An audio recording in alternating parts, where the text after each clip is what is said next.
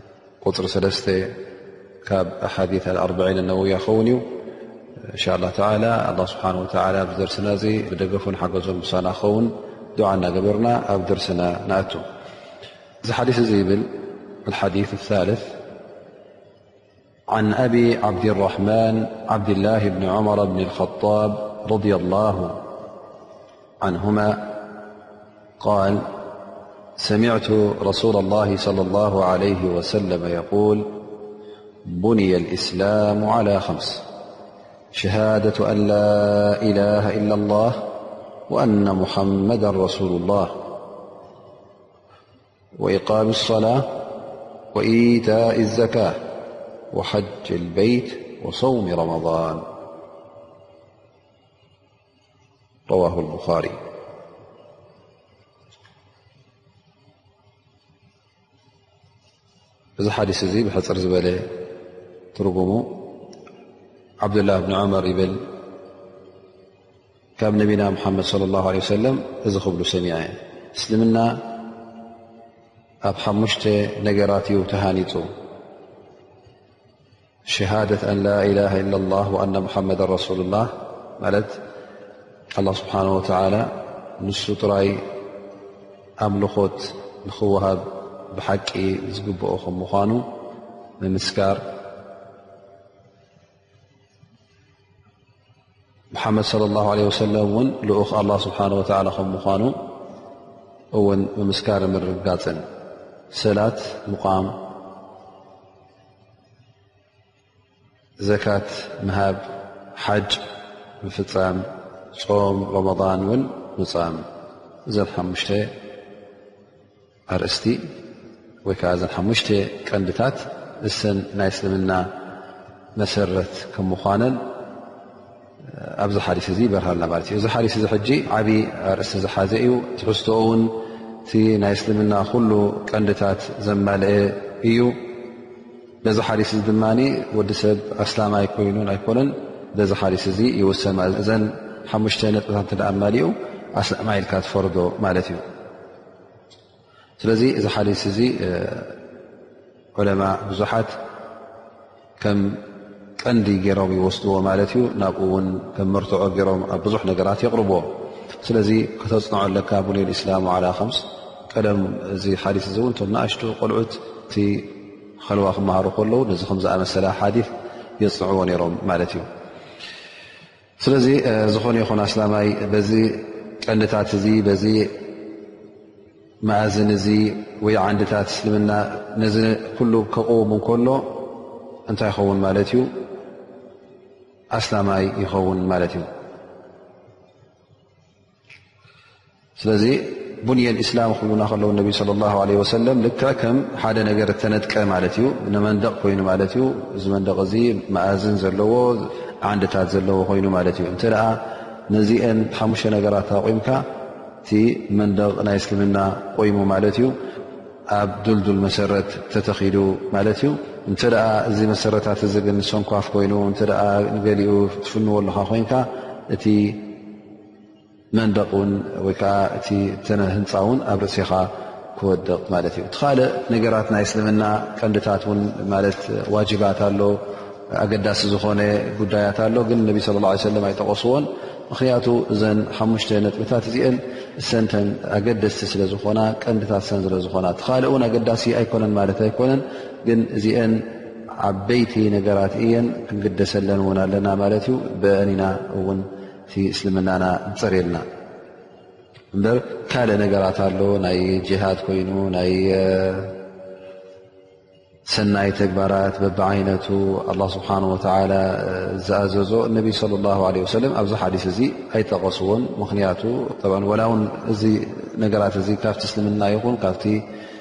ዋጅብ ወይ ከዓ ግዴታ ንክትገብሮ ትእዘዝ ይኹን ግን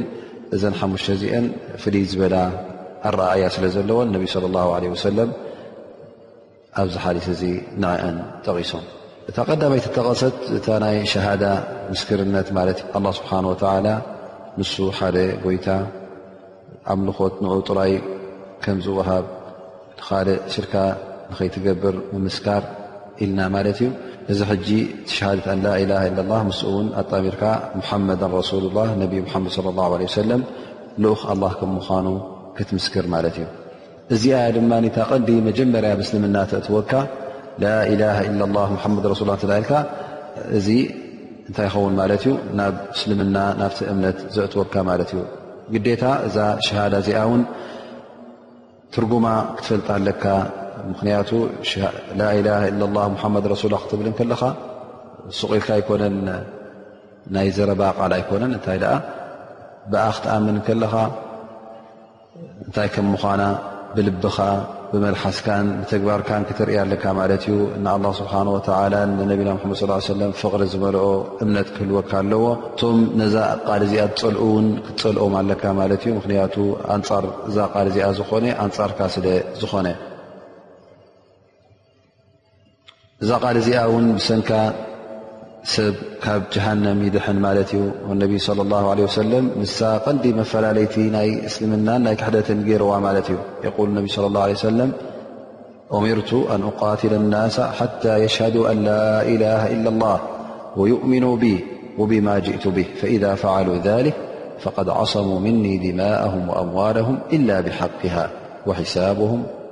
ዓላ ላ ኣላ ስብሓን ወላ እሱ ዝሓስቦ ብድሕሪኡ እንተ እዛ ቃል እዚኣ እቲ ዝግባእናታ ውን ኣማሊኡ ዝኾነ ሰብ ኣብ እስልምና ኣት ማለት እዩ ገንዘውን ነፍሱ እውን ሕሉ ማለት እዩ ስለዚ ፀላኢ ተፃባኢ ናይ እስልምና ይቁፀርን እዩ እንታይ ደኣ ሙእሚን ኣማኒ እዩ ዝቁፀር ማለት እዩ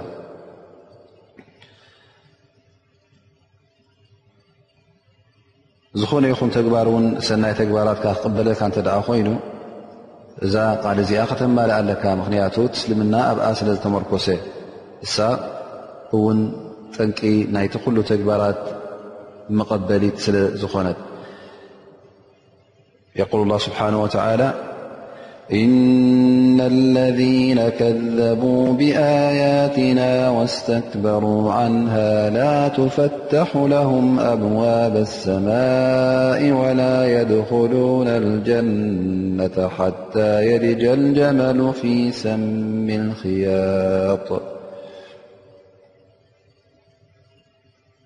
እዘን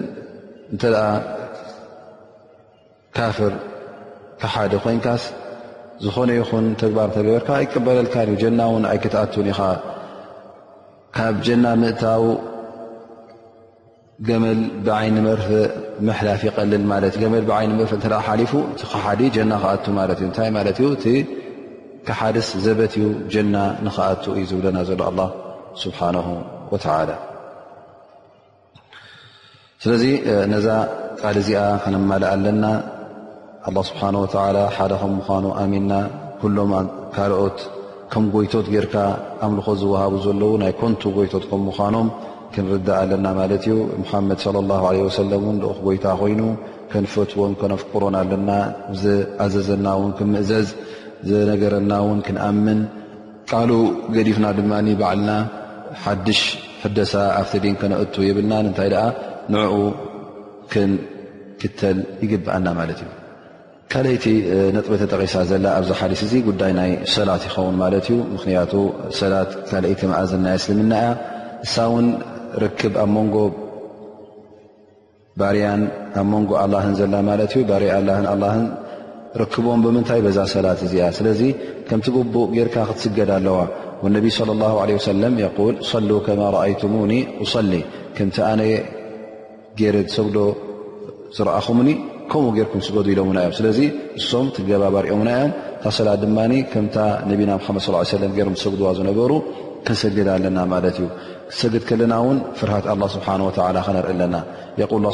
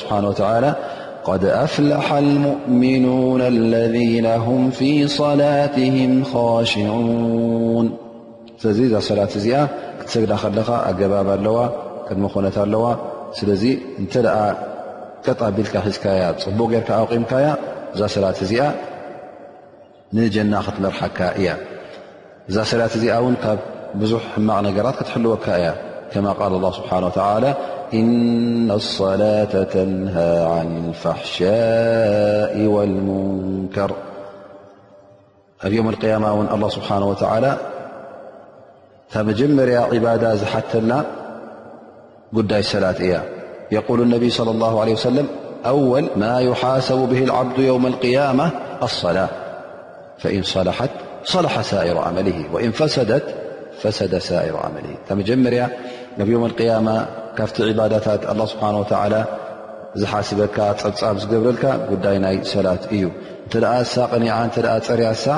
ካልእ ስራሓትካ ኩሉ ክጸሪ እዩ ስለዚ እዛ ሰላት እዚኣ ኣገዳሲት እያ እንተ ደኣ ሰላት ገዲፍካ ድማ እዚ ዓብዪ ገበን ይኸውን ማለት እዩ እቲ ጠንቂ ናይ ምግዳፍካ ድማ እንተ ነዛ ሰላት እዚኣ ዘይተኣምነላ ኮይንካ ነፅግካ እተ ኮይንካ ኩሎም ዕለማ እዚ ክሕደት ይብሉ ማለት እዩ ማለት እንካር እተ ጌርካ ሰላት ኣየድልን ኢልካ እተ ገዲፍካ ስኻ ሕጂ ካሒድካ ማለት እዩ ኩሎም ዕለማ ከምዚ ካሓትካ ይሰማምዑሉ እዮም ላኪን እንተ እቲ ጠንቂ ናይ ምግዳፍካ ከሰል ኮይኑ ማለት ኣይከሓትካያን ክትገብራ ደሊኻ ግን ሓንሳ ደኺመ ሓንሳ ሓሚመ ሓንሳ ዶ እንታይ እናበልካ ዘይከውን ምኽኒት እናቕረብካ ክትገድፋ ከለኻ ኣብዚ ሕጂ ገለ ዑለማ እብሉ ወይ ከዓ ካብቶም ኣስሓብ ነቢ ለ ላ ለ ወሰለም እውን እዚ እውን ክሕደት እዩ ዝበሎ ከም በዓል ዑመር ብከጣብ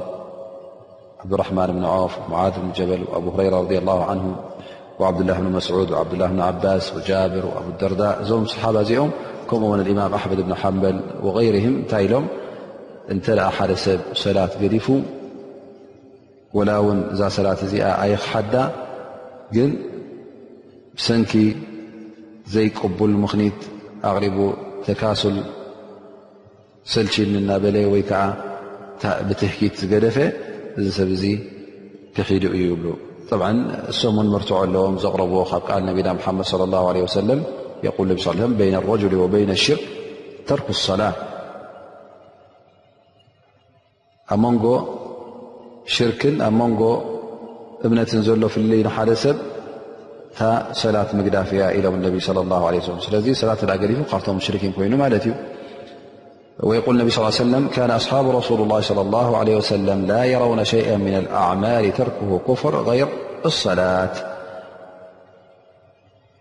ይብሉ እውን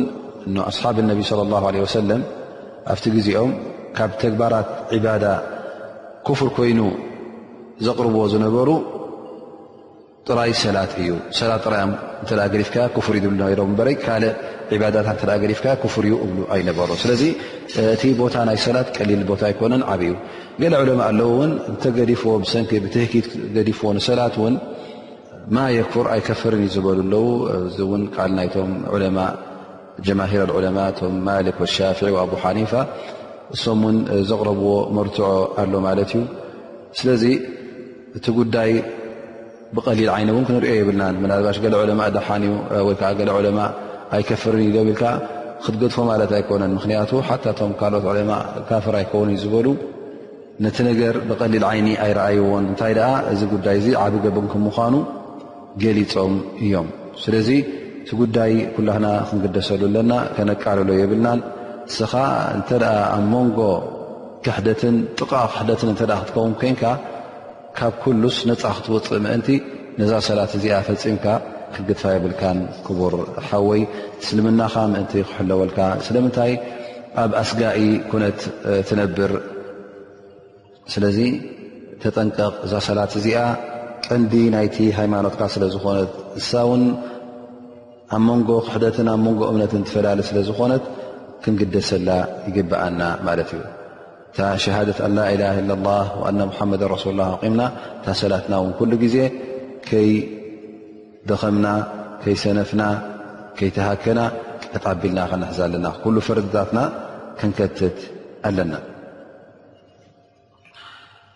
ሳልሰይቲ መኣዝን ወይ ከዓ ዓንድታት ካብቲ ዓንታት እስልምና ዘካት ትኸውን ማለት እዩ ዘካት እውን ዋጅብ እዩ ግዴታ እዩ ዝኾነ ይኹን ኣስላማይ እንተ ደኣ ገንዘብ ማል ኣለዎ ኮይኑ ወይ ጠብ እዚ ማል እዚ ወርቂ ክኸውን ይኽእል እዩ ጥረ ገንዘብ ክኸውን ይኽእል እዩ ናይ ንግዲ ንብረት ክኸውን ይኽእል እዩ ናይ ጥሪት ናይ ዘራእቲ በብ ዓይነቱ መቸም እዚ ከምዚ ዝኣመሰለ ገንዘብ ዘለዎ እዚ ገንዘቡ ከዓ ንዘካት በቂዑ እንተ ኮይኑ ዘካት ንኸውፅእ ግዴታ ይኸውን ማለት እዩ ምክንያቱ እታ ዘካት ንገዛእ ርእሳ ዓብዪ በረካ ኣለዋ ገንዘብካ ትበራረኸልካ እያ ትማልካ ይነፅሃልካን ይፀርየልካን ካብ ጠማዕ ይኹን ካብ ሹሕ ይኹን ይነፅሃልካ ማለት እዩ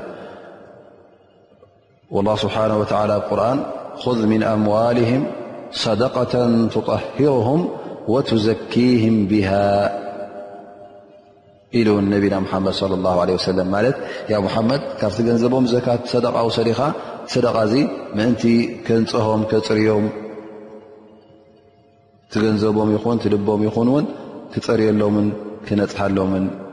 ኢሉ ኣላ ስብሓን ወተላ ስለዚ ዘካት ሓደ ካብቲ ግዴታ ዝኾነ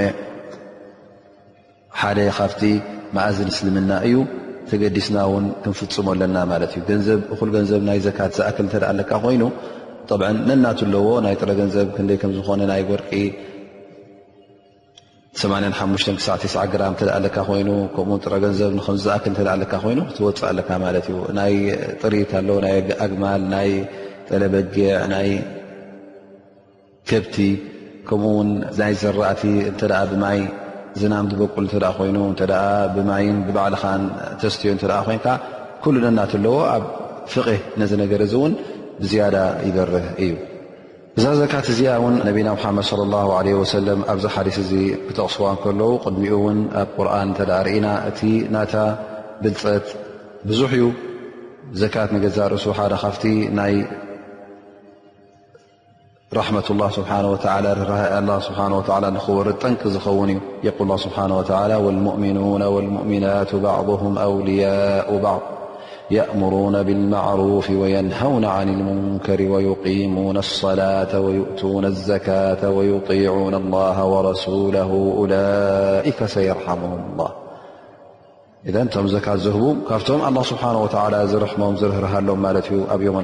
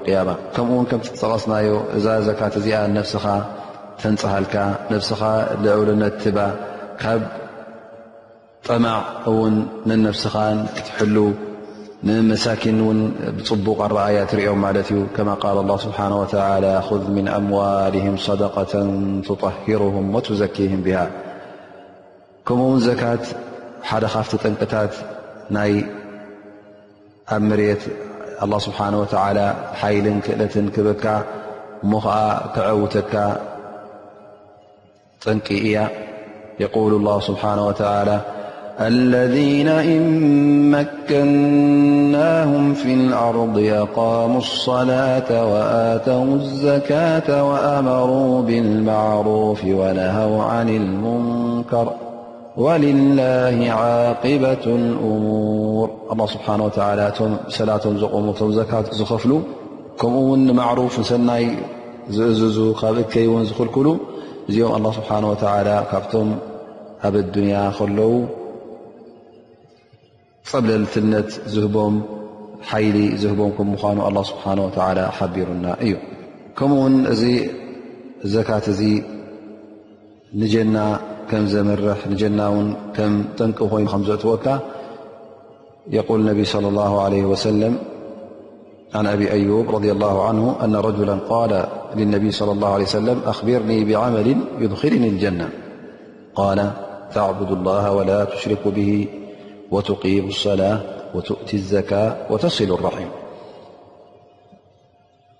እዚ ሰብኣይ እዚ እንተ ሓቲቱ ንጀና ዘእቱ ተግባራት ያ ረሱላ ላ ነገረኒ ምስ በለ ካብቲ ዝተጠቕሰ እንታይ ኮይኑ ማለት እዩ ዘካት ምሃብ ኣብ ርእሲ እቲ ምስ ኣላ ስብሓን ወላ ሽርካ ዘይምግባር ሰላት ምስግጋድ እታ ዘካት ትመፅእ ማለት እዩ ከምኡ ውን ዘካት ትብል እተ ኮንካ ትህብ እተ ኮንካ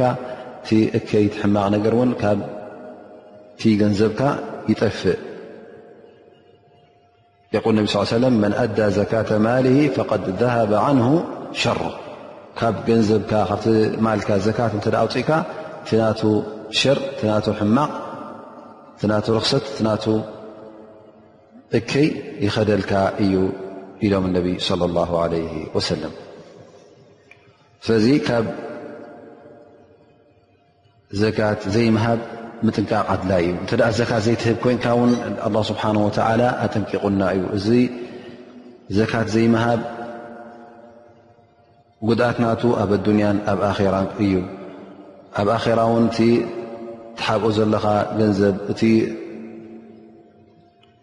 ትደፍኖ ዘለኻ ሃብቲ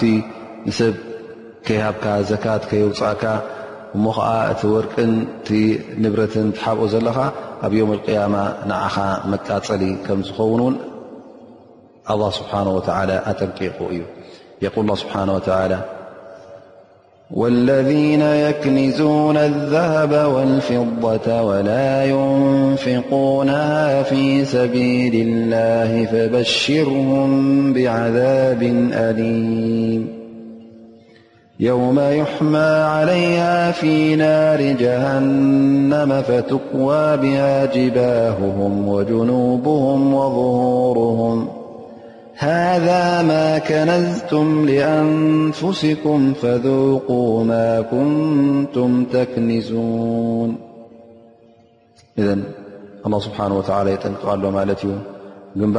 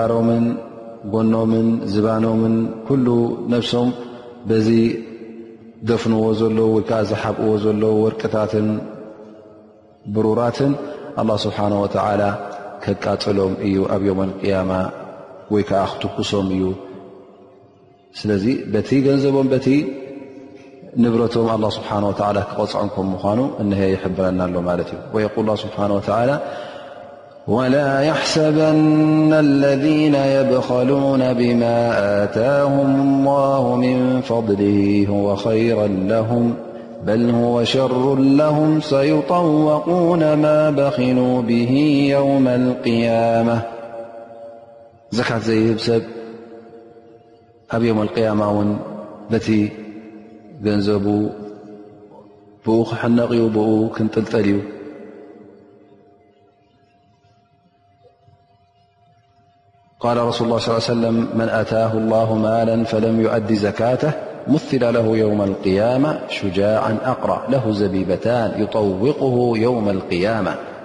يأخذ بلهزمتيه يعني شدقيه ثم يقول أنا مالك أنا كنزك እዛ ኣያ እዚኣ በዛ ሓዲት እዚኣ ትፍሰር ማለት እዩ እሞ ኣብ ዮም ቅያማ እቲ ገንዘብ ዘይህብ ዝነበረ እቲ ገንዘቡ እንታይ ይልወጥ ዓብ ገበል ይልወጥ ማለት እዩ ዝገበል እዚ እውን ኣብ ርእሱ ፀጉሪ ዘይብሉ ምክንያቱ ብክቱር ስምናቱ ፀጉሪ ናቱ ዝኸደ ማለት እዩ ሕጂ እዚ ገበል እዚ መፅኡ ይጥምጠሞን ይሓንቆን ማለት እዩ ኣነኤ ማልካ ኣነኤ ገንዘብካ ይብሎ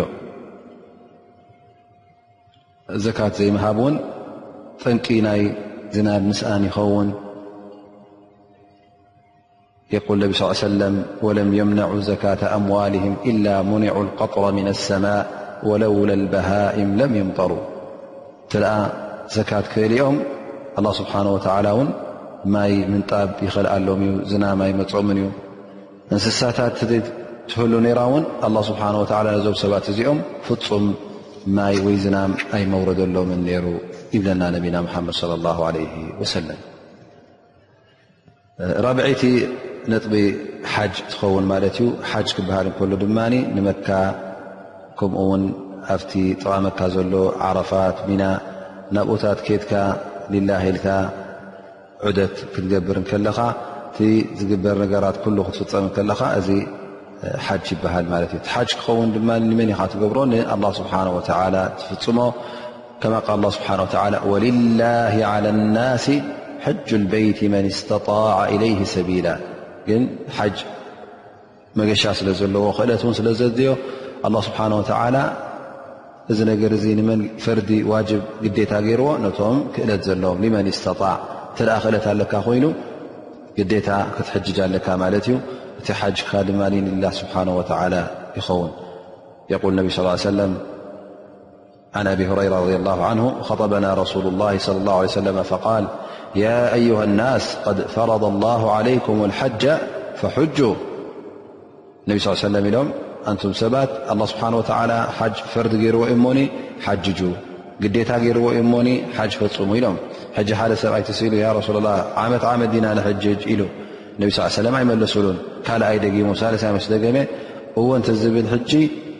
ግዴታ ምኾነትኩም ነራ ስለዚ ብዙሕ ኣይትሕተቱ ኢሎም ነቢ ለ ላ ለ ሰለም ስለዚ እንተ ክእለት ኣለካ ኮይኑ ኣብ ጉልበትካን ኣብ ማልካን ጥዕናኻን ሲ ሓጅ ከተደንጉዮ የብልካን ቀልጢፍካ ሸዓ ንሸዓ ክትሕጅጅ ኣለካ ስለዚ ኣብ ሓጅ ዋጅብን እንታይ የብሉ ዓለልፎር ሸዓ ንሸዓ እተ ክእለት ኣለካ ኮይኑ ከተደናጉ የብልካን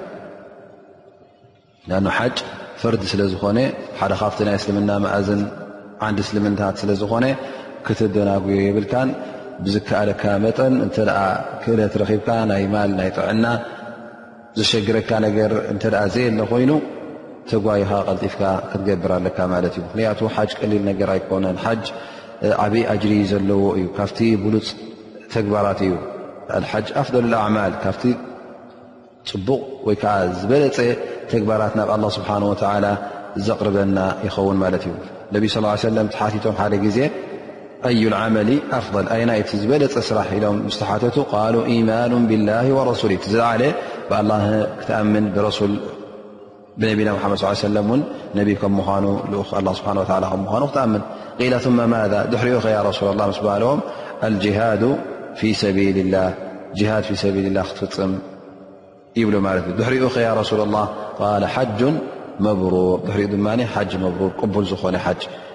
ሓጅ መብሩር ክበሃል ከሎ ከዓ እቲ ከምቲ እነቢ ስ ሰለ ዝኣዘዝዎን ከምቲ ዘርኣዩና ጌርካ ክትሕጅ ከለኻ ሊተእኹዙ ዓኒ መናሲከኩም ኢሎምና እዮም እቲ ተግባራት ናይ ሓጅ ካባይ ንክትወስድዎ ግዴታ እዩ ኢሎም እነቢ ስ ሰለም ስለዚ እስኻ ልክዕ ከምቲ እነቢ ስ ሰለም ገሮም ዝሕጅዎ ዝነበሩ እተ ሓጅካ እቲ ሓጅ ናካ እንታይ ይኸውን ሓጅ መብሩር ይኸውን ማለት እዩ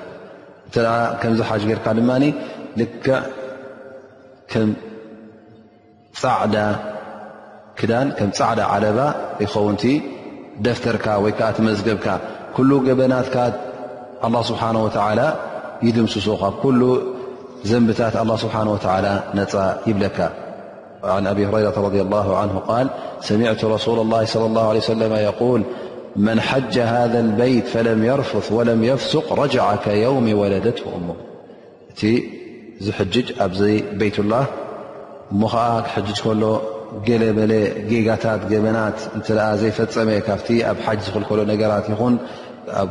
ኩሉ ግዜ ዝኽልከሎ ነገር ረቢ ዘይፈትዎ ነገራት ካብኡ እተ ተኸልኪሉ ፅቡቕ ገይሩ ሓጅጁ እነቢ ስ ሰለም ይብሉ ረጃዓ ከዮም ወለደት ልክ ከምታ ኣዲ ዝወለደቶ መዓልቲ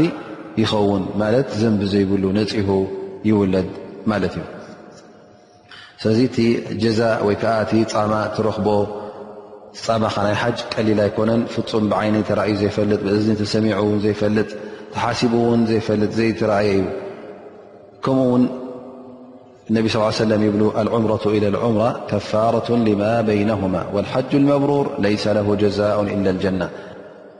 ዑምራ ካብ ዑምራ ናብ ዑምራ ዘሎ ግዜ ዑምራ ጌርካ ዳሕራይ ዑምራ ክትገብር ከለኻ እቲ መንጎኡ ዘሎ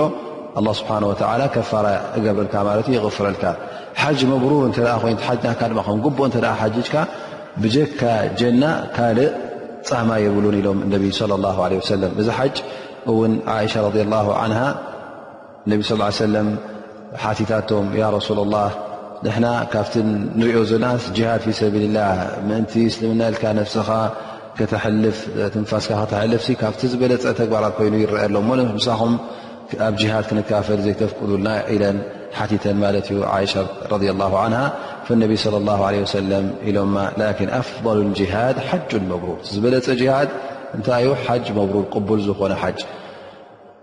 እዘን ከምዚ ንዓኽን ዝኣመሰለ ድኹም ዝኾነስ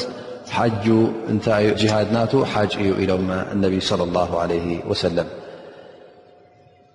ሓምሻይ መእዝን ኣብዚ ሓዲ ዝተጠቕሰ ፆም ናይ ረመን ይኸውን ማለት እዩ ፆም ናይ ረመን ከዓ ፈርዲ እዩ ዋጅብ እዩ ግዴታ እዩ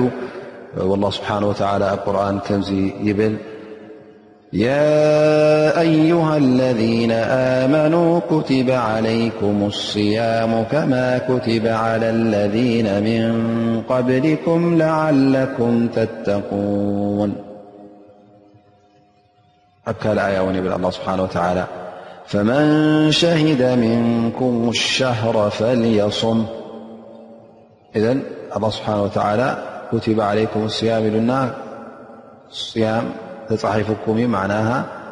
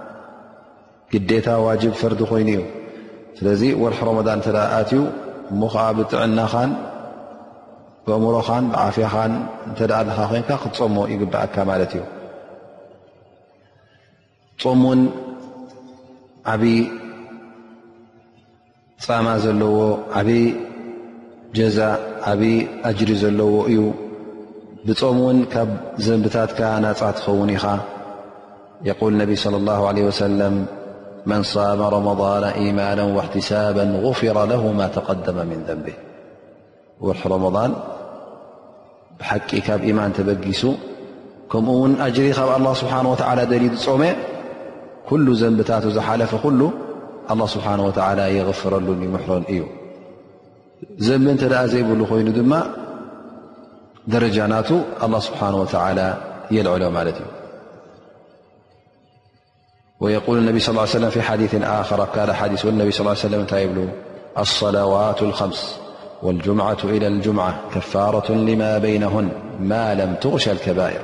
والرمضان إلى رمضان مكفرات لما بينهن إذا اجتنبت الكبائر ሓሙሽተ ሰላዋት ከምኡ ውን ጅምዓት ሰላት ጅምዓ ክሳዕ ሰላት ጅምዓስ እንተ ነዚዐን ጌርካ እቲ መንጎኦን ትገብሮ ገበናት ኣላ ስብሓን ወተላ ይምሕረካ እዩ እንተ ከባኢረ ዝኑብ ተዓበይቲ ዘንብታት ዘይገበርካ ከምኡ ውን ረመን ንረመን እቲ መንጎኡ ዘሎ ኣላ ስብሓን ወተላ ይምሕረካ እዩ እተ ካብ ረን ዶም ዘበን ረመዳን ፀምካ ንዓመታ ረመዳን ፀምካ እቲ መንጎኦ ዘሎ ኣብ መንጎ ዘን ክልተ ረመዳን ዘሎ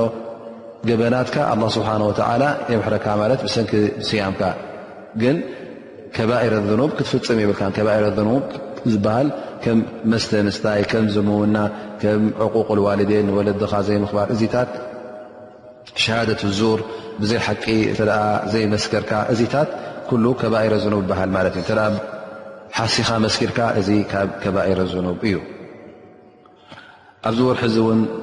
እቶም ሸያጢን ዝእሰሩሉ ወርሒ ንሰብ ክጋግይሉ ዘይክእሉ ምኽንያቱ ሰብ ኩሉ ብሰናይ ተግባር ብስያም ጥራይ ሓሳባቱ ናብኡ ስለ ዘተኮረ ሸይጣን እውን ፈፂሙ ከጋግዮ እውን ኣይክእልን እዩ ሸይጣን ኣብዚ ወርሒ እዚ እውን ይደክም ማለት እዩ ስለዚ እዚ ነገር እዚ እውን ክንሪኦ ከለና እቲ ኣስላማይ መብዝሕቱ ኣብ ወርሒ ረመዳን ኩሉ ናብ ሰናይ ተዋፊሩ ትረኽቦ ማለት እዩ ኣብ ሰላቱ ይኹን ኣብ ሰናይ ተግባር ይኹን ኣብ ካልእ ነገራት እውን ኣላ ስብሓን ወተዓላ ይሕግዞ ማለት እዩ እዚ ከዓ ምልክት ናይ ምንታይ እዩ ምልክት ናይቲ ዘጋጊ ዝነበረ ሸይጣን ምእሳር ማለት እዩ እቲ ዝገብሮ ዝነበረ ኣይክእሎን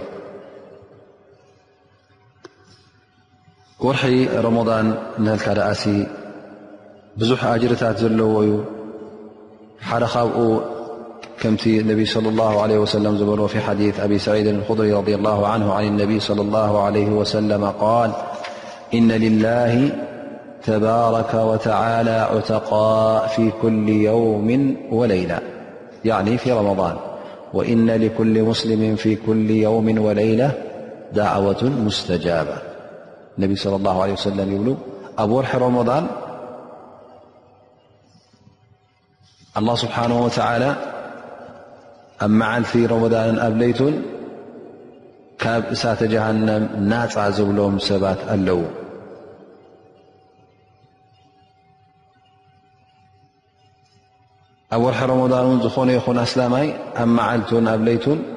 ቅብልቲ ዝኾነት ድዓ ኣላቶ ኢሎም እነቢ ለ ላ ለ ወሰለም እዘ እንታይ ዝርእየና ዘሎ ማለት እዩ ዝጀ እዚ ወርሒ ዚስ ዓብ ዕድል ከም ምዃኑ ኢና ንርኢ ዘለና ኣላ ስብሓን ወተዓላ ንገለ ባሮቱ ካብ እሳተ ጀሃንም ናፃ ዝብለሉ ኣብ ርእሲኡ ድማ ዝኾነ ይኹን ኣስላማይ ዱዓ እንተ ደኣ ገይሩ ድዓኡ ዝቕበለሉ ላቶ መዓልቲ ወይ ከዓ ብመዓልቲ ይኹም ብለይቲ ዱዓ ይቕበለሉ እሞዚ ዕድላት እዝስ ከመይ ገይሩ ይሓልፈና ክሓልፈና እምበር የብሉን ክንጥቀመሉ ኣለና ዱዓ ከነዘውትር ኣለና እቲ ጾምና ክንገድፍ የብልናን እዚ ጾም እዚ ኣብ ርእሲ ሓደ መእዝን ወይ ከዓ ሓደ ዓንዲ ናይ እስልምና ክኸውን ከሎ ኣብ ርእሲኡ ግን ብቢ ዓይነቱ ኣጅርታት ብልፀታት ትረኽበሉ ኣለኻ ማለት እዩ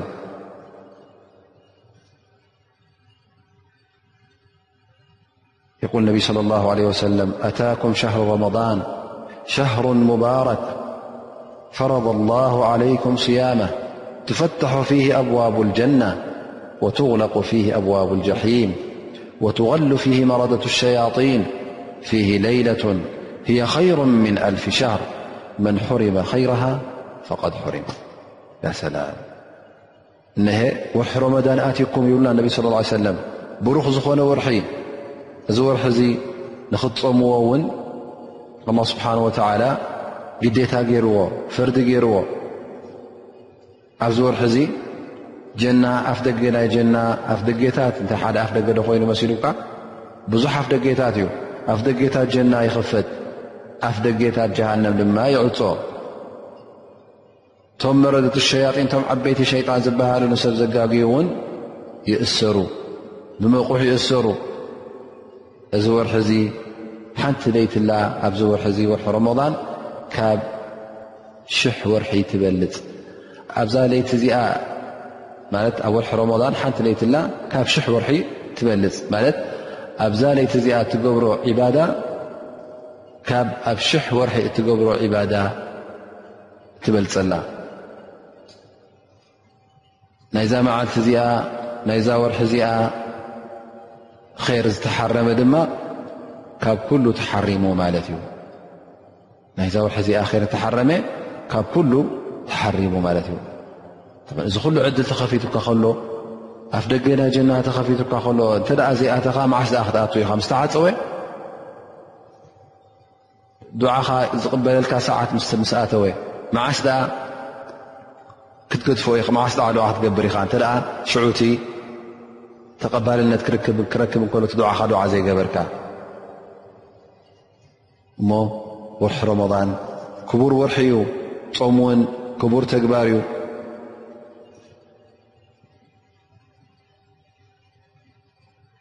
ፊ ሓዲስ ቁድሲ ኣላ ስብሓን ወተላ ይብል